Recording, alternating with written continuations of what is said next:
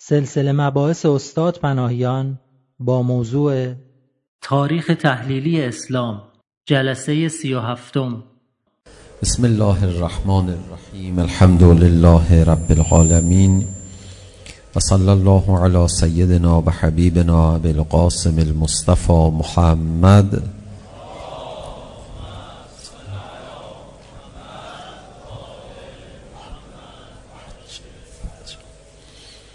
وآله الطيبين الطاهرين المعصومين سيما الحجة بقية الله الأعظم روحي وأرواح العالمين له الفداء واللعن الدائم على أعدائهم أجمعين إلى قيام يوم الدين رب اشرح لي صدري ويسر لي أمري واحلل عقدة من لساني يفقه قولي توجه به جزئیات رنجه های پیامبر گرامی اسلام جدا از این که مقاومت و صبر ما رو بالا میبره توقع ما رو از پدید آمدن معجزات و از راحت عبور کردن از موانع کم میکنه یک فایده بسیار مهم دیگه هم به دنبال داره و اون فایده این است که ما رو به نصرتهای الهی که امروز هست بهتر واقف میکنه. گاهی از اوقات واقعا اینجوری دیده میشه که خدا امروز نصرتهای خودش رو پی در پی داره برای ما میفرسته. ما واقعا با موانع کمتری روبرو هستیم. اصلا اینقدر نصرت اینقدر راهگشایی سهل سازی در صدر اسلام وجود نداشته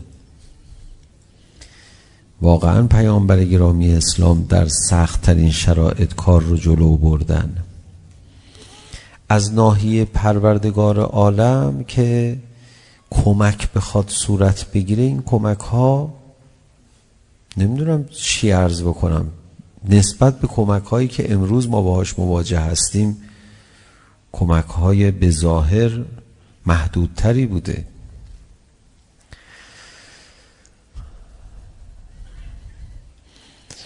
در داستان هجرت پیامبر گرامی اسلام علی ابن ابی طالب علیه السلام رو به جای خودشون خواباندن.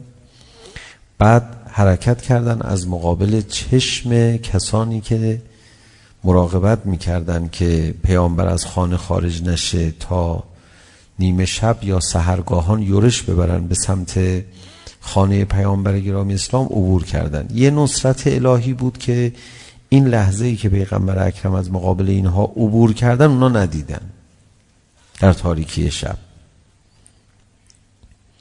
نصرت دیگر الهی این بود که وقتی که پیامبر گرامی اسلام حرکت کردن در واقع نیمه شب یا ابتدای شب از خانه خارج شدن به سمت مدینه رفتن در قار سور پنهان شدن در اطراف مدینه من این قار رو رفتم دیدم یعنی یک کوهنوردی کامل شما باید انجام بدی تا بالای اون تپه برسی بعد قار هم که گفته میشه قار به اون معنایی که ما میشناسیم نیست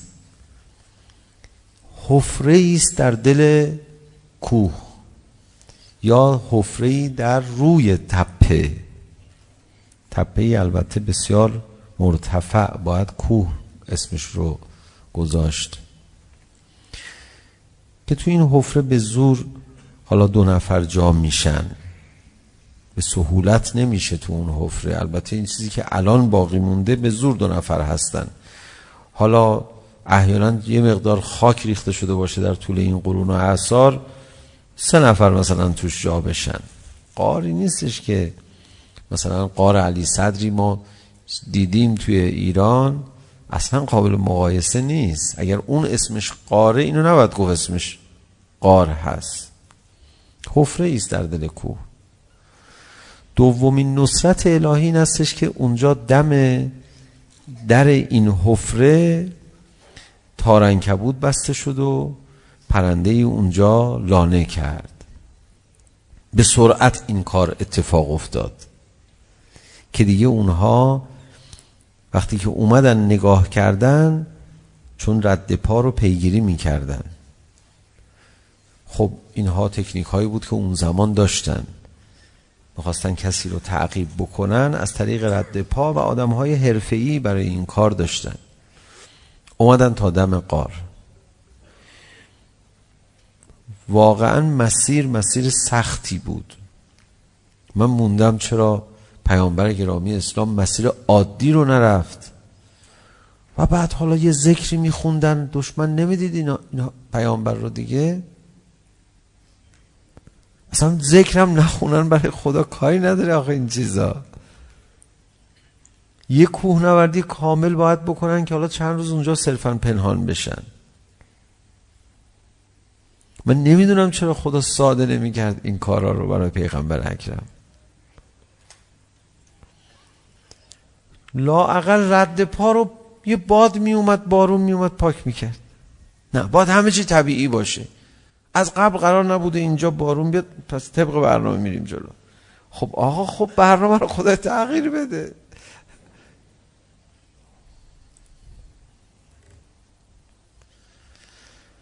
بعد رسول گرامی اسلام حرکت کردند و رفتن. امانت های خودشون رو به علی ابن ابی طالب علیه السلام سپردن. فرمودن خانم ها رو تو همراه خودت بیار. حضرت فاطمه زهرا سلام علیها فاطمه بنت اسد و یکی دیگه از مسلمانان که او هم باز هم نامش فاطمه بود همراه ام ایمن و شاید برخ دیگری ولی برخی دیگر ولی این اسامی بیشتر مطرح شده حرکت کردن در روز روشن عباس آمد عموی امیرالمومنین علی علیه السلام در واقع عموی پیامبر می شدن عرضه داشت یا علی شما چجوری جرأت میکنید در طول روز بری ظاهرا این هجرت تنها هجرتی است که علنی در طول روز انجام شده چون مؤمنین دیگه مخفیانه هجرت میکردن مشرکین میفهمیدن کسی میخواد هجرت بکنه انواع و اقسام شکنجه ها رو به او میدادن که حالا بعضی از اینها جالبه به جزئیاتش بعدا انشالله بپردازیم. امیر المومنین علی علیه السلام سرشار از ایمان به رسول خدا. برگشتن به آقای عباس فرمودن که رسول خدا به من فرموده است که تو دیگه بعد از من که از مکه حرکت کردم گزندی بهت نخواهد رسید. لذا وقتی که رسول خدا فرموده گزندی نخواهد رسید من در طول روز حرکت میکنم. چرا شب حرکت کنم؟ در حالی که پیغام داد بر اساس سفارش پیغمبر اکرم که اونهایی که ضعیفن سختشونه براشون این مسیر هجرت بگو با خود تو بیان. ایشون هم پیغام دادن به اونها اونها شبانه زودتر حرکت بکنن برن در یک جایی بیستن تا امیرالمومنین علی علیه السلام به اونها برسه. ولی خودشون روز حرکت کردن. خب حدود هفت الا هشت نفر. غلام یکی از اونها رو هم حساب کنیم میشه هشت نفر با شمشیرهای آخته حمله کردن به کاروان کوچک علی ابن ابی طالب علیه السلام که نگذارن زن و بچه پیغمبر و مسلمانانی که از خانم ها بودن به ویژه دختر پیغمبر حضرت فاطمه زهرا سلام الله علیها این هجرتشون انجام بگیره.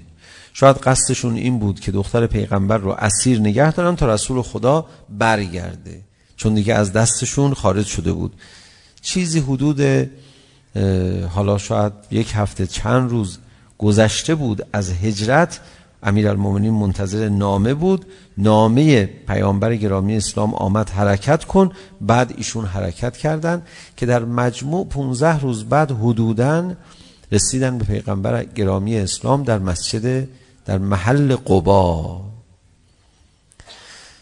اونها حمله کردن. امیر المومنین علی علیه السلام تا داشتن می اومدن جلو به اون آقایی که همراهشون بودن که در واقع نام رسان پیامبر گرامی اسلام ایشون بودن به امیر المومنین فرمودن شطرها رو بخوابون و پاهای شطرها رو ببند. حالا ببینید حکمتش رو پاهای شطورها رو هم بست اونا اومدن جلو سر و صدا و ما مگه میگذاریم تو این خانم ها رو ببری و ما اینها رو اسیر میکنیم و امیر المومنی علی علیه السلام هم شمشیر کشید و به سمت یکیشون حمله کرد او اسبش رم کرد شمشیر به اسب اون فرد خورد ضرب شست علی ابن ابی طالب و عزمش رو که دیدن رجزی خوند و شعری خوند امیر المومنین علیه السلام اونجا اونا هر هشت نفر دیدن جانشون در معرض خطره این آقا چه غضبی داره نوشتن بد جوری ترسیدن از علی ابن ابی طالب پا رو به فرار گذاشتن در حالی که اونها یلانی بودن که در جنگ ها ناماور بودن اومده بودن در واقع یک مأموریت حالا به قول امروزی ها تروریستی آدم ربایی انجام بدن قتلم براشون کاری نداشت. اولش هم تهدید کرده بودن. ولی باز بدون معجزه با ضرب شست علی ابن ابی طالب و تدبیر امیرالمومنین علی علیه السلام پراکنده شدن. جالب اونا اولین کاری که کردن اومدن شترها رو رم بدن. شترها پاشون بسته بود تکان میخوردن ولی بلند نمیتونستن بشن که حالا رم کنن و محملهای خودشون رو پایین بندازن و اینها.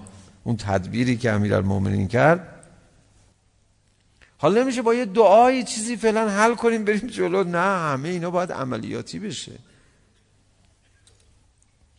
ضرب شست امیر المؤمنین شجاعت امیر المؤمنین تدبیر امیر المؤمنین باید کارا... کارگر بیفته تا این قافله به سلامت حرکت بکنه و عبور کنه بره. عجب اینجوریه. ما همجوری دعا کنیم درست نمیشه همه چی؟ والا نمیدونم دیگه شما چقدر مستجاب و دعوه باشی جدیه یه مقدار درگیری تدبیر میخواد شجاعت میخواد از خودگذشتگی میخواد ایمان میخواد و تحمل سختی ها و صبر و مقاومت میخواد من احساس میکنم که نسبت به اون زمان الان نصرت خدا خیلی بیشتر هست. علتش رو نمیدونم چیه. شاید علتش این باشه که مؤمنین پای رکاب دین تعدادشون بیشتره. با خلوص تمام. اینا اثر داره. آقا خود اولیاء خدا هستن اثر نداره. نه. اونقدری که مؤمنین باشن اونقدر برای نصرت خدا اثر نداره. خداوند متعال نفرموده است اگه پیغمبر داشته باشید ینصرکم و یثبت اقدامکم نه فرمان ان تنصر الله. شما پای دین وایسید من شما رو کمک میکنم. الان دین آدم زیادتر داره. آدم های دین الان عمیقتر و محکمتر ایستادن. آدم های دین با معرفت و بصیرت کافی ایستادن. شهداشون واقعا معتقدن و به شهادت میرسن در این راه. بعضی از کسانی بودن پای رکاب پیغمبر اکرم شهید می‌شدن همچی زیاد اعتقاد نداشتن. حضرت هم می‌فرمود اینا شهید نیستن. نمیدونم علت اینه علت دعاهای تلمبار شده مظلومین در طی این 1400 سال علت اراده پروردگار عالم برای اینکه حق باید پیروز بشه علت به اوج رسیدن ظلمه چون در زمان پیامبر اکرم ظلم هنوز به اوج نرسیده بود. در همین ماجرای هجرت یه داستان عجیبی وجود داره. گفتم نمیدونم برای شما یا نه. خب اینا از قبائل مختلف جمع شدن تصمیم گرفتن پیغمبر اکرم رو به قتل برسونن. خون تقسیم بشه بین قبائل دیگه. مناسبات قبیلگی بود. ابو طالب سلام الله علیه هم که حضور ندارن. دیگه بالاخره بنی هاشم یه جورایی بی سرپرست شدن و اونها هم دیگه تحملشون کم شده. این اتفاق هم تا حالا به این سهولت براشون رخ نمیداد که با هم جمع بشن پیغمبر اکرم رو به شهادت بخوام برسونن. حالا من چرا میگم ظلم اون زمان همچین زیادم به اوج نرسیده بود؟ شب میخواستن حمله کنن به خانه پیغمبر اکرم نیمه شب. یکی از اونها ظاهرا ابو جهل بود. برگشت گفت نه شب زن و بچه میترسن. شب حمله نکنید. بذارید صبح حمله کنید بابا جوون مردی رو بریم عجب قاتلای خوبی بودن. عجب جانی های جوان مردی بودن. قبلا هم ما در این باره صحبت کرده بودیم که اتفاقات خوبی میافتاد در لابلای همه اتفاقات. بعد شعب ابی طالب پیامبر گرامی اسلام در محاصره بود نان نداشتن بخورن. کسی با اونها معامله نمی کرد ولی ایام حج آزاد بودن بیان تبلیغ بکنن چون حج دیگه ماه حرامه و حج و کسی با کسی کاری نداره. بابا به همون دین تحریف شده نیم بند معتقد بودن. ابا عبدالله الحسین رو که میخواستن کنار خانه کعبه بکشن. مسلمونا.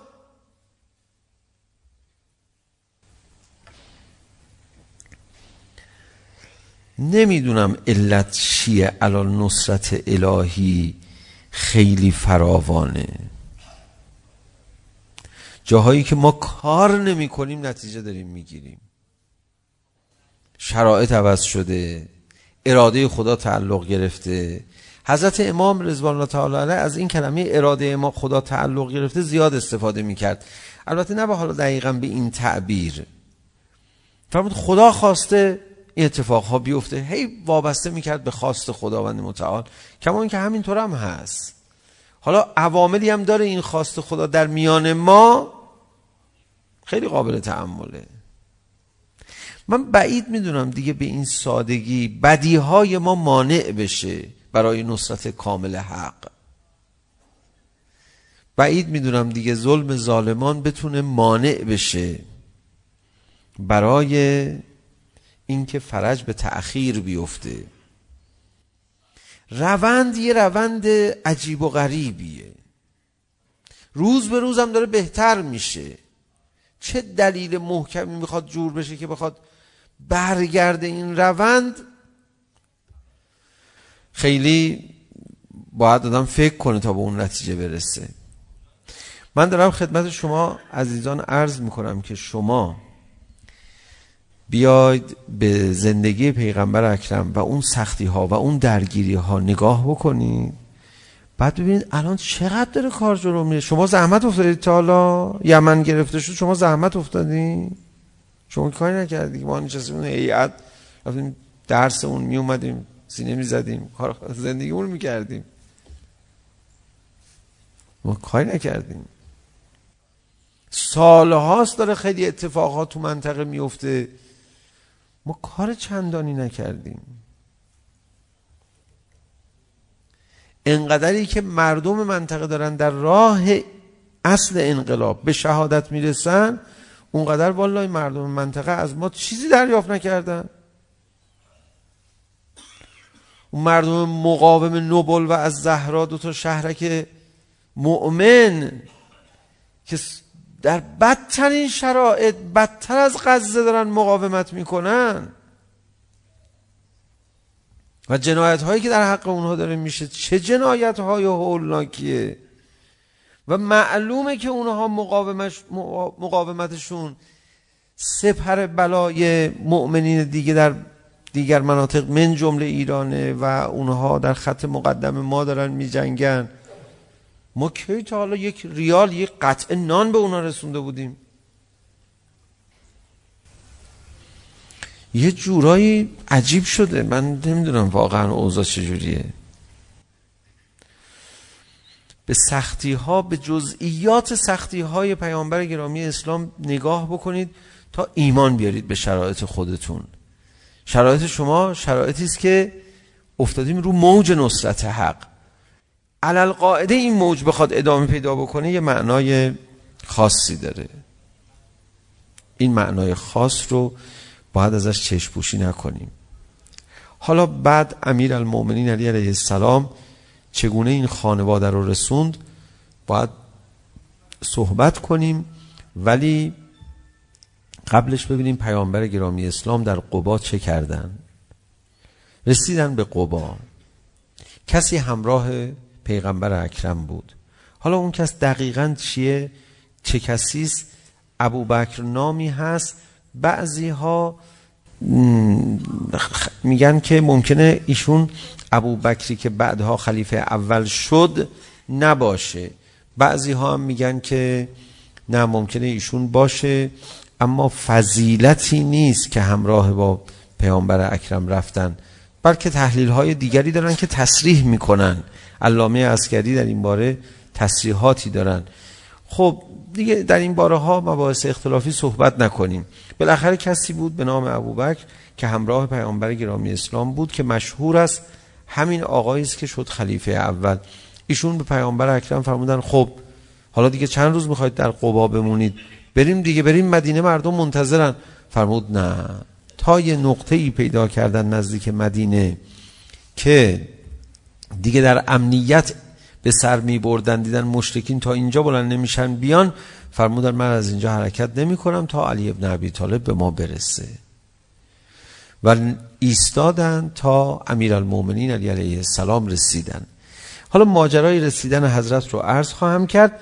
اینجا یک اتفاق میفته اولین نهادسازی و مهمترین نهاد اجتماعی و فرهنگی که نهادی میشه که پایگاه حکومت هم بعدن میشه به نام مسجد ساخته میشه اولین خانه برای عبادت آخرین پیامبر و عبادت امت او باید یک کمی در مورد مسجد صحبت کرد بله ما میتونیم به این عنوان که بله خب مسجد دیگه در موردش فکر نکنیم خیلی برامون آشنا و عادی باشه و تکراری باشه اما بیاید تا قبل از تأسیس مسجد به مسجد بیاندیشید به این محل عبادت به محل تجمع نگاه بکنید وقت ببینید از مسجد دریافت تازه ای پیدا خواهید کرد یا نه خب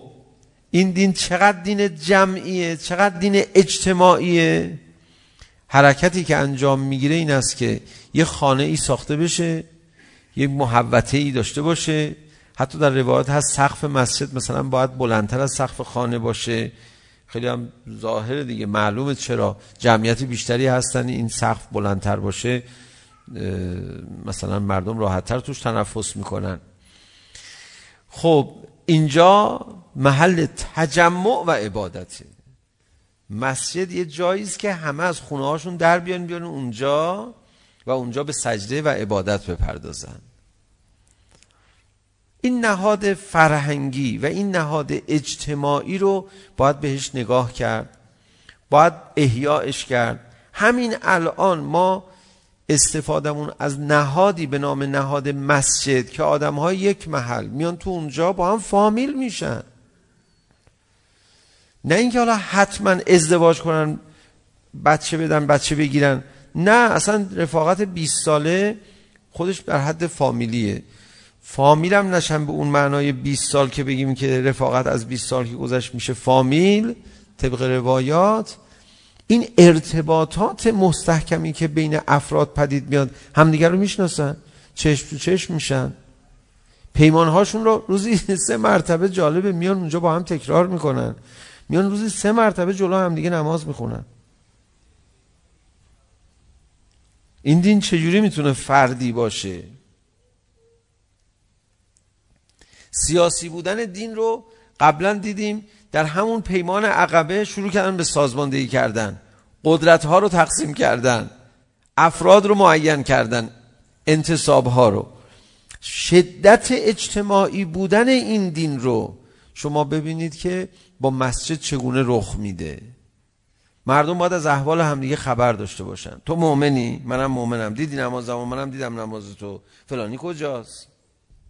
مسجد یه محلیه که دین رو از حالت فردی در میاره تبدیلش میکنه به یک عهد اجتماعی آدما گیر میفتن بله آدما گیر میفتن بالاخره ما رفتیم بیاریم مردم نماز خوندیم نماز خوندن هم دیگر دیدیم نماز خوندن ما رو دیدن دیگه ما هر کس هر کاری نمیتونیم بکنیم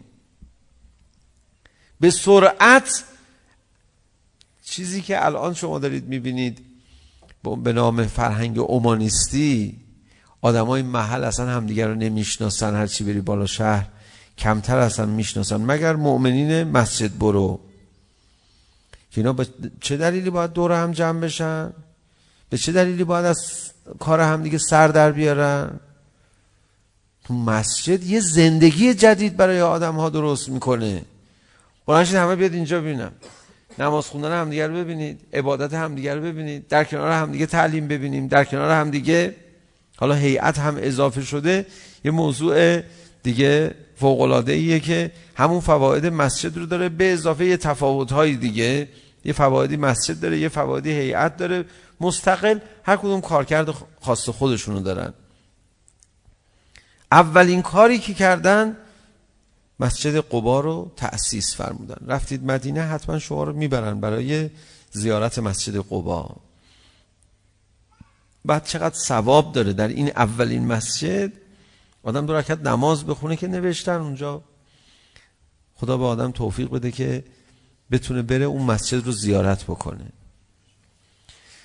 یه نکته جالب غیر از اجتماعی بودن اینه که دین باید جنبه های فیزیکال داشته باشه دین معماری داره دین حجم شهری داره دین مکان داره دین علامت و نماد داره دین یه مسئله روحی و روانی نیستش که فقط در ذهن ما باشه و بس در دل ما باشه و بس شما دین دارید کو کو دینتون باید مسجد رو نشون بدی باید مسجد در دل شهر نماد دین ما باشه علامت دین ما باشه دین یه پدیده فردی که نیست هیچی دین یه پدیده مخفی قلبی هم نیست.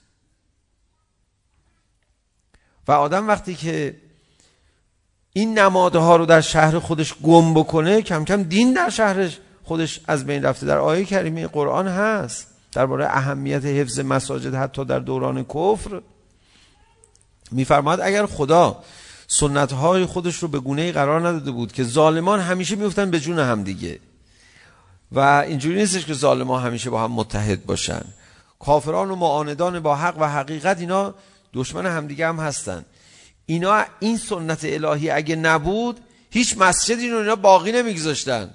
مساجد باقی موندن برای چی؟ برای اینکه ظالمان میفتن تو جون همدیگه از مساجد غافل میشن. این نمادهای دینی در جامعه در شهر در محله باقی میمونه. این خیلی اهمیت داره.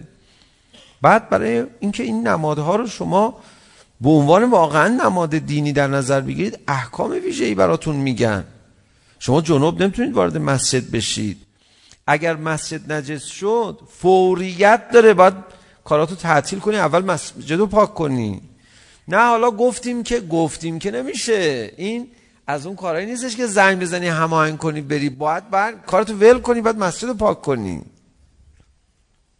مسجد یه طهارت مخصوصی داره. احکامش با طهارت خونه فرق میکنه. گوشه فرش تو خونه نجس شد. حالا بعدا آب میکشه دیگه. یه چیزی فعلا بنداز روش پای خیس نره روش که مثلا نجاست جاهای دیگه سرایت پیدا نکنه. مسجد اینجوری نیست. یه سیغه‌ای برای اون مکان خونده میشه. اینجا تموم شد دیگه. حالا اینو دیگه کاش نمیتونی بکنی. به این راحت نمی... به این راحتی نمیتونی خرید و فروشش بکنی. زمین متوقف میشه برای این موضوع. او چه شرایط خاصی پیش بیاد.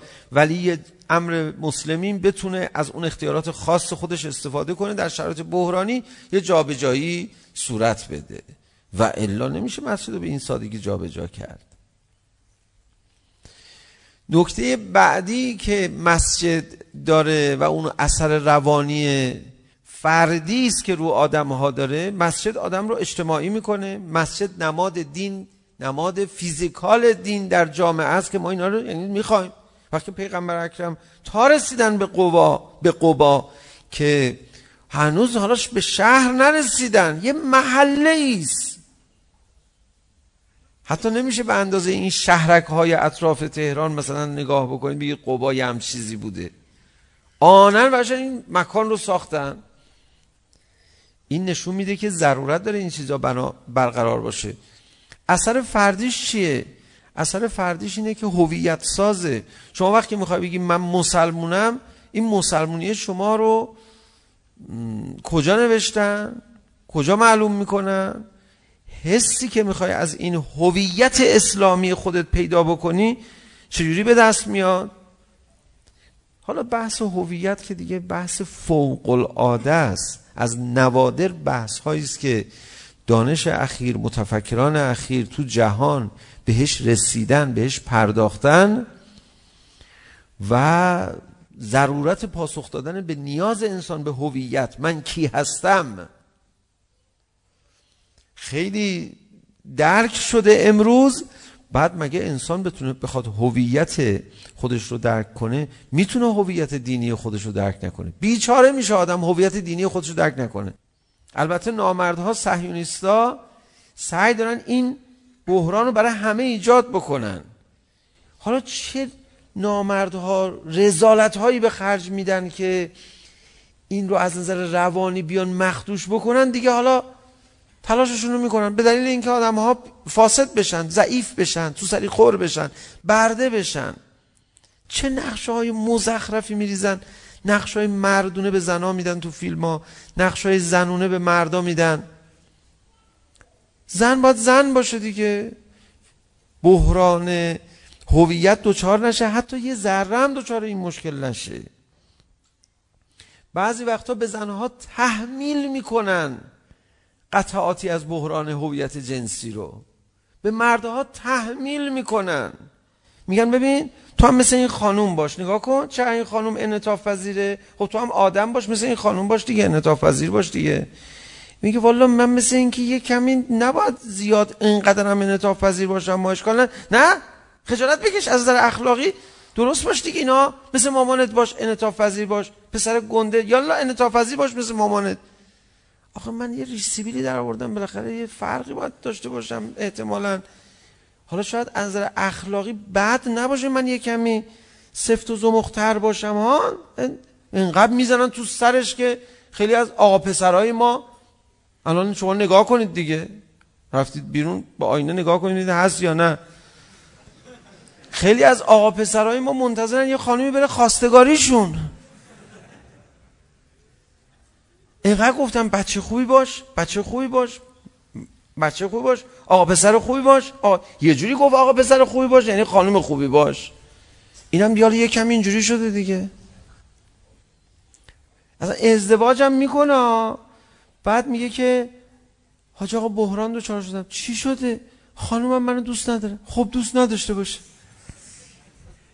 تو باید اونو دوست داشته باشی. خب چه اشکال داره؟ نه آخه سر من داد کشید. حالا یه دو دقیقه اون ناراحت میشه بر میگرده نترس چه دخترهایی ما تربیت کردیم یالا باید خانومت عاشقت باشه نه خانوم باید ناز کنه تو باید منتشو بکشی تو دختر شدی ناز میکنی آقا پسر شوهر شوهر شده انگار شوهر کرده ببینید این کارهای فرهنگی که دارن انجام میدن اینا رو ببینید. تو رو خدا ببینید اینا رو. بعد میدونید چه نتایج شومی داره؟ خود خانوما والا از این آنجور آقایون حالشون به هم میخوره. یکی از چیزایی که واقعا خیلی از آقایون متوجه نیستن. حتی موجب بحرانهای شدید روحی خانومشون میشه. دیگه اصلا نمیتونه آدم همه رو بگه. میگه جنب مردونه نداره. او هم پس آقا پسرم اینقدر بچه مثبت. کافی یه چادر سرش بکنی. دیگه هیچ علامتی از نظر روحی از نظر مردانگی نداره. شما پای خیلی از این فیلم ها بشینید اینا رو بهتون القا میکنن. مرد باید مرد باشه. حالا این هویت مردانه از نظر روحی به چه رفتارهاییه؟ اینا رو یکی یکی بر آدم توضیح میدن. یکیش غیرت مردانه است. بعد از اون ور به زن میرن هویت چی؟ مردانه القا میکنن. خانومه میخواد غیرت داشته باشه نسبت به شوهرش عین غیرت مرد نسبت به زنش. هی اینقدر القا میکنن القا میکنن. خود خانومم نمیخواد اونقدر غیرت داشته باشه ها. حالا ممکنه دلش کمی بشکنه ناراحت بشه چی؟ ولی اینقدر بهش تلقین کردن مثل یک شیرمردی غیرت داشته باش. مرد تو اگر نگاهی به چپ کرد جمعش کن یه رو سری سرش کن بزن تو گوشش بیارش تو خونه. میگه والا حالا من زیادم نمیخوام اینقدر غیرت داشته باشم. حالا خوبه فقط آقامون به من توجه کنه ولی تو میگه بزن. من مردم بزن آره بله بزن. الان بیا پایین به این پایین فیلم بهت یاد بده قشنگ چجوری بزن شما متوجه میشید که من بیشتر از این نمیتونم توضیح بدم هیچ چی رو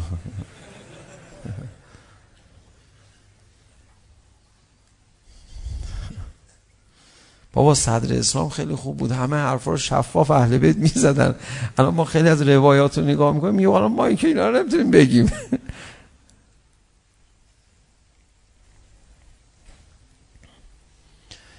بعضی از این روایات رو آدم بخواد توی مجموعه چاپ بکنه.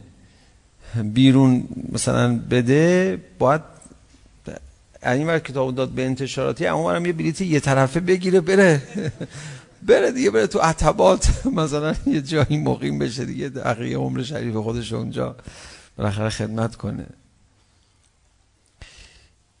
شما الان لبخند زدید حرف ما از جدیت افتاد یا حرف جدی بود؟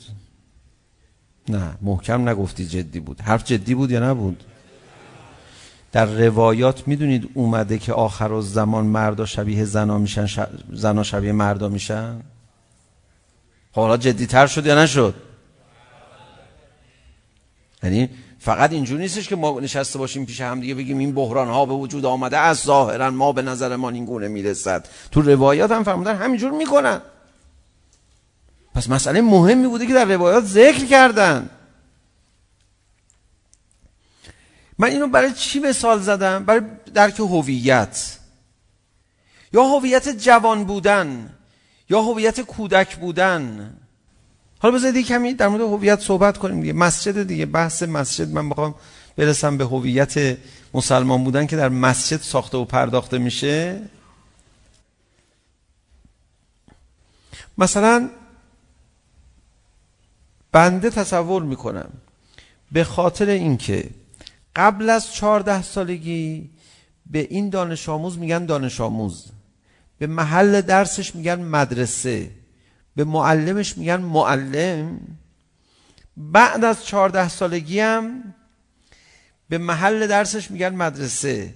به معلمش میگن معلم. به خودش هم میگن دانش آموز. بعد از 14 سالگی اون یک مرد مکلفه.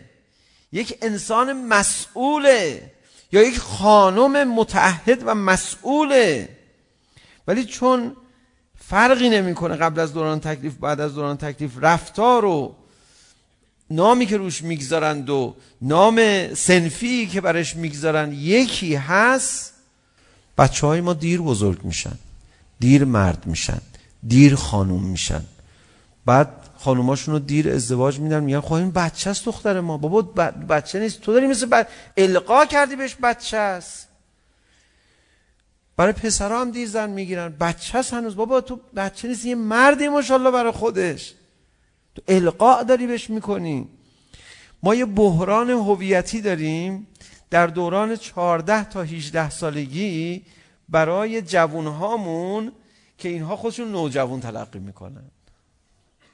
که اینا خودشون بچه تلقی میکنن. نه خیر میخواستی یه دفعه چی بشه؟ معجزه بشه جبرئیل امین بهش وحی بکنن که تو بچه نیستی دیگه. تو که بهش میگی دانش آموز همین دانش آموز کلاس اول ابتدایی هم بهش میگفتی. میبریش هر روز مدرسه تو همون مدرسه ای که هفت سال تو دوران کودکیش میرفت. معلمش که اسمش معلمه. خودی خودشو بچه ندونه. کسی اگر چهار سال پنج سال دیرتر خودشو بچه بدون یعنی بگذره از زمانی که خودشو باید بچه بدونه. هنوز خودشو بچه بدونه این چه خاکی به سرش ریخته میشه؟ هویت مهم نیست؟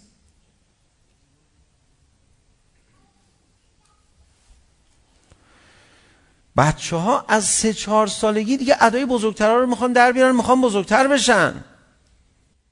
کفش بزرگتر رو میپوشن و یه کمی تو دوران دبستان دیگه میخوان منفجر کنن محیط خودشون رو بزنن تو بزرگ شدن. تو سرش میکوبی تو هنوز بچه ای دانش آموز دانش آموز. آقا اجازه آقا اجازه. مثل دو... کلاس اول ابتدایی. بابا این باید زندگیش فرق بکنه این دوچار بحران هویت سنی میشه. دیدید دانشجوها وقتی میرن دانشگاه دانشجو میشن خلاص میشن انگار از اون بحران. آقا ما دیگه الان شدیم دانشجوی کسی هستیم الان برای خودمون سنی ازش گذشته از اون در اومده این چهار سالی که گذشت چه اتفاقی افتاد چه آثار سوئی به دنبال داره هر کی باید خودشو بشناسه هویت سنفی خودش رو هویت جنسی خودش رو هویت سنی خودش رو هر کی باید بشناسه. هویت قومی خودش رو خوبه هر کسی بشناسه. و اینا رو چه, چه مقدار آدم باید حفظ کنه چه مقدار باید ازش محسناتش استفاده بکنه آسیبهاش هم باید کنترل بکنه. بله. یکی از این هویت ها هویت دینیه. البته هویت سنفی هم میشه مثال هایی زد دیگه بحثمون کش پیدا نکنه. برای ما طلبه ها یه فرا... زمینه ای فراهم شده. به واسطه این لباسمون میتونیم هویت سنفی خودمون رو هم بیشتر درک بکنیم هم بیشتر حفظ کنیم هم از محسناتش استفاده بکنیم. آثار وضعی عجیب و غریبی هم داره. حالا لباس ما لباس معمولی نیست. بالاخره از یک زمان اینجوری شده به واسطه مستحبات و به واسطه تعصیب لباس اولیاء خدا و اگرچه لباس اولیاء خدا چندان با لباس دیگران در زمان خودشون فرق نداشته به واسطه نوگرا نبودن به معنای تجدد معاب ن... معابی نداشتن آلمان دینی. ببینید از کی این لباس ها فرق کرد؟ تجدد معاب نبودن تجدد طلب نبودن. چه اصراری ما هر چیز جدیدی شد زودنم شیرجه بریم بریم سراغش. خود این بوی هواپرستی میده. خب عالمان دینی سعی کردن قدیمی ترشون رو حفظ کنن. بعد دیگران هی لباسای خودشون رو تغییر دادن. این لباس برای اینها باقی موند. دیگه معلوم میشد تو شهر این که این لباس رو داره حتما طلبه است حتما آخونده.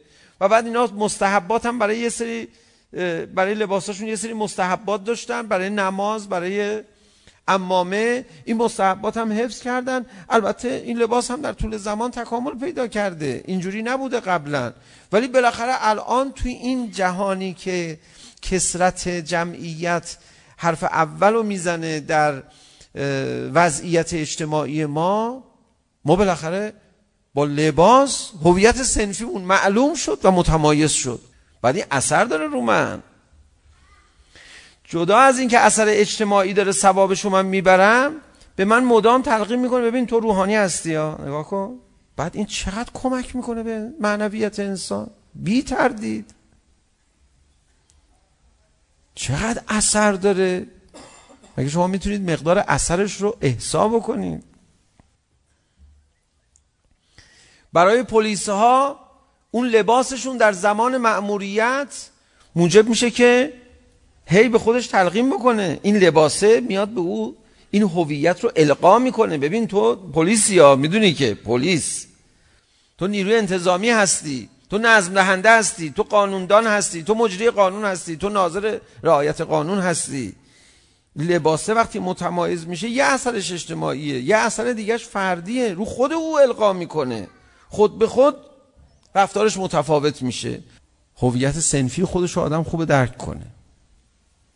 مثلا یه کارمند رشوه نمیگیره بخشش باید با این هویت سنفیش بگه ببین من کارمندم میدونی؟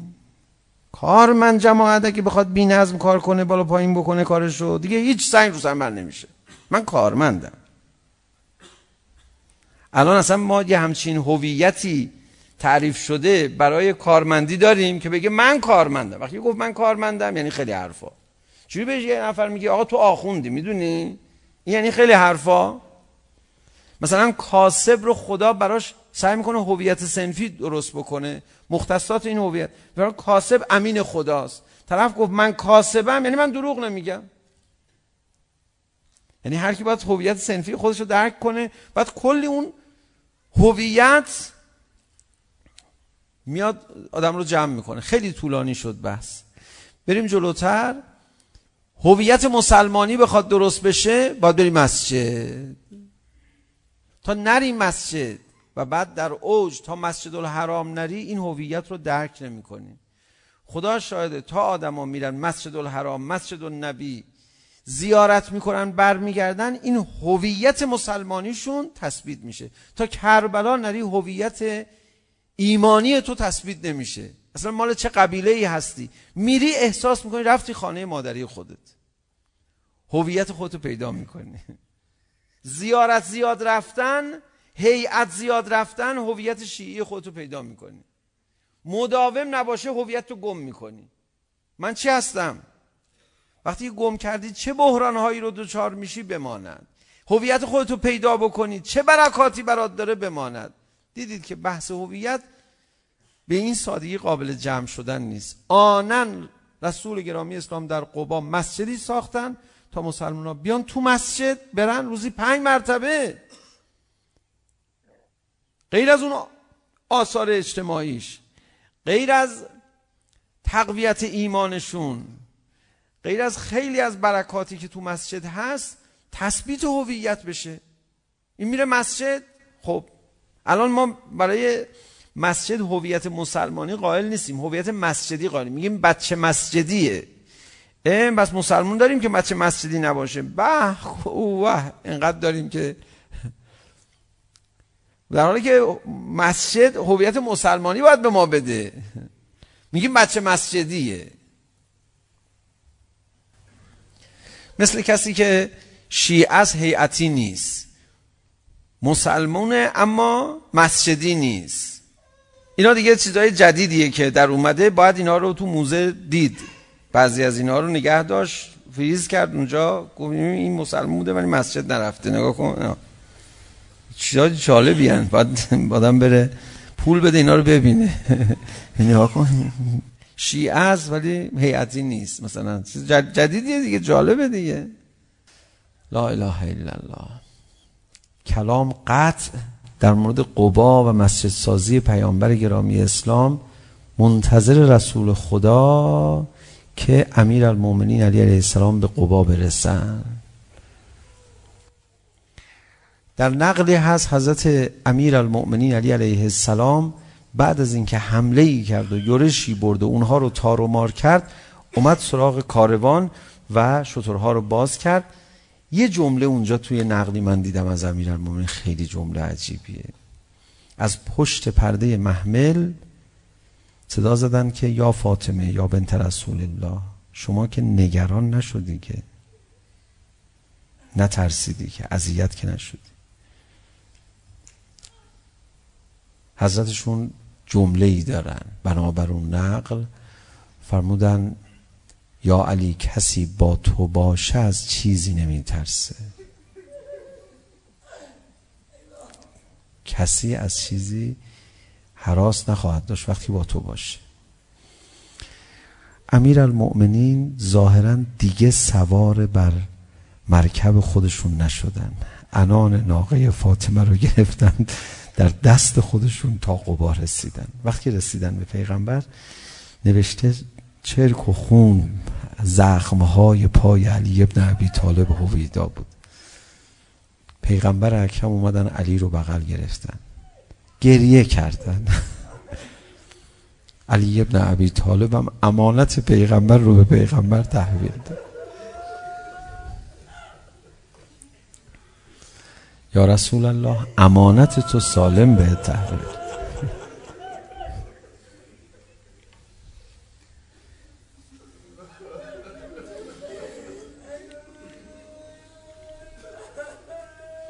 خیلی راه ها از مدینه از مکه تا مدینه همه رو پیاده میاد امیر المؤمنین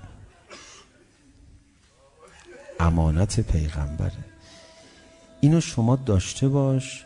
اونایی که یه شبه هایی ایجاد میکنن میگن چرا علی از فاطمه دفاع نکرد؟ بهشون بگو علی علیه السلام چقدر فدایی فاطمه است. لا اله الا الله نقل شهادت فاطمه زهرا سلام الله علیها همین هفته است دیگه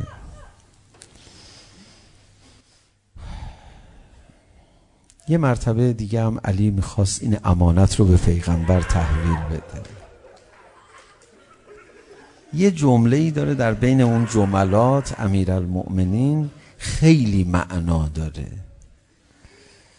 نوشت یا رسول الله دختر تو به تو توضیح خواهد داد چه شد. انگار امیرالمومنین میخواد بفرماید من نمیتونم بگم. شرایط سختی بود.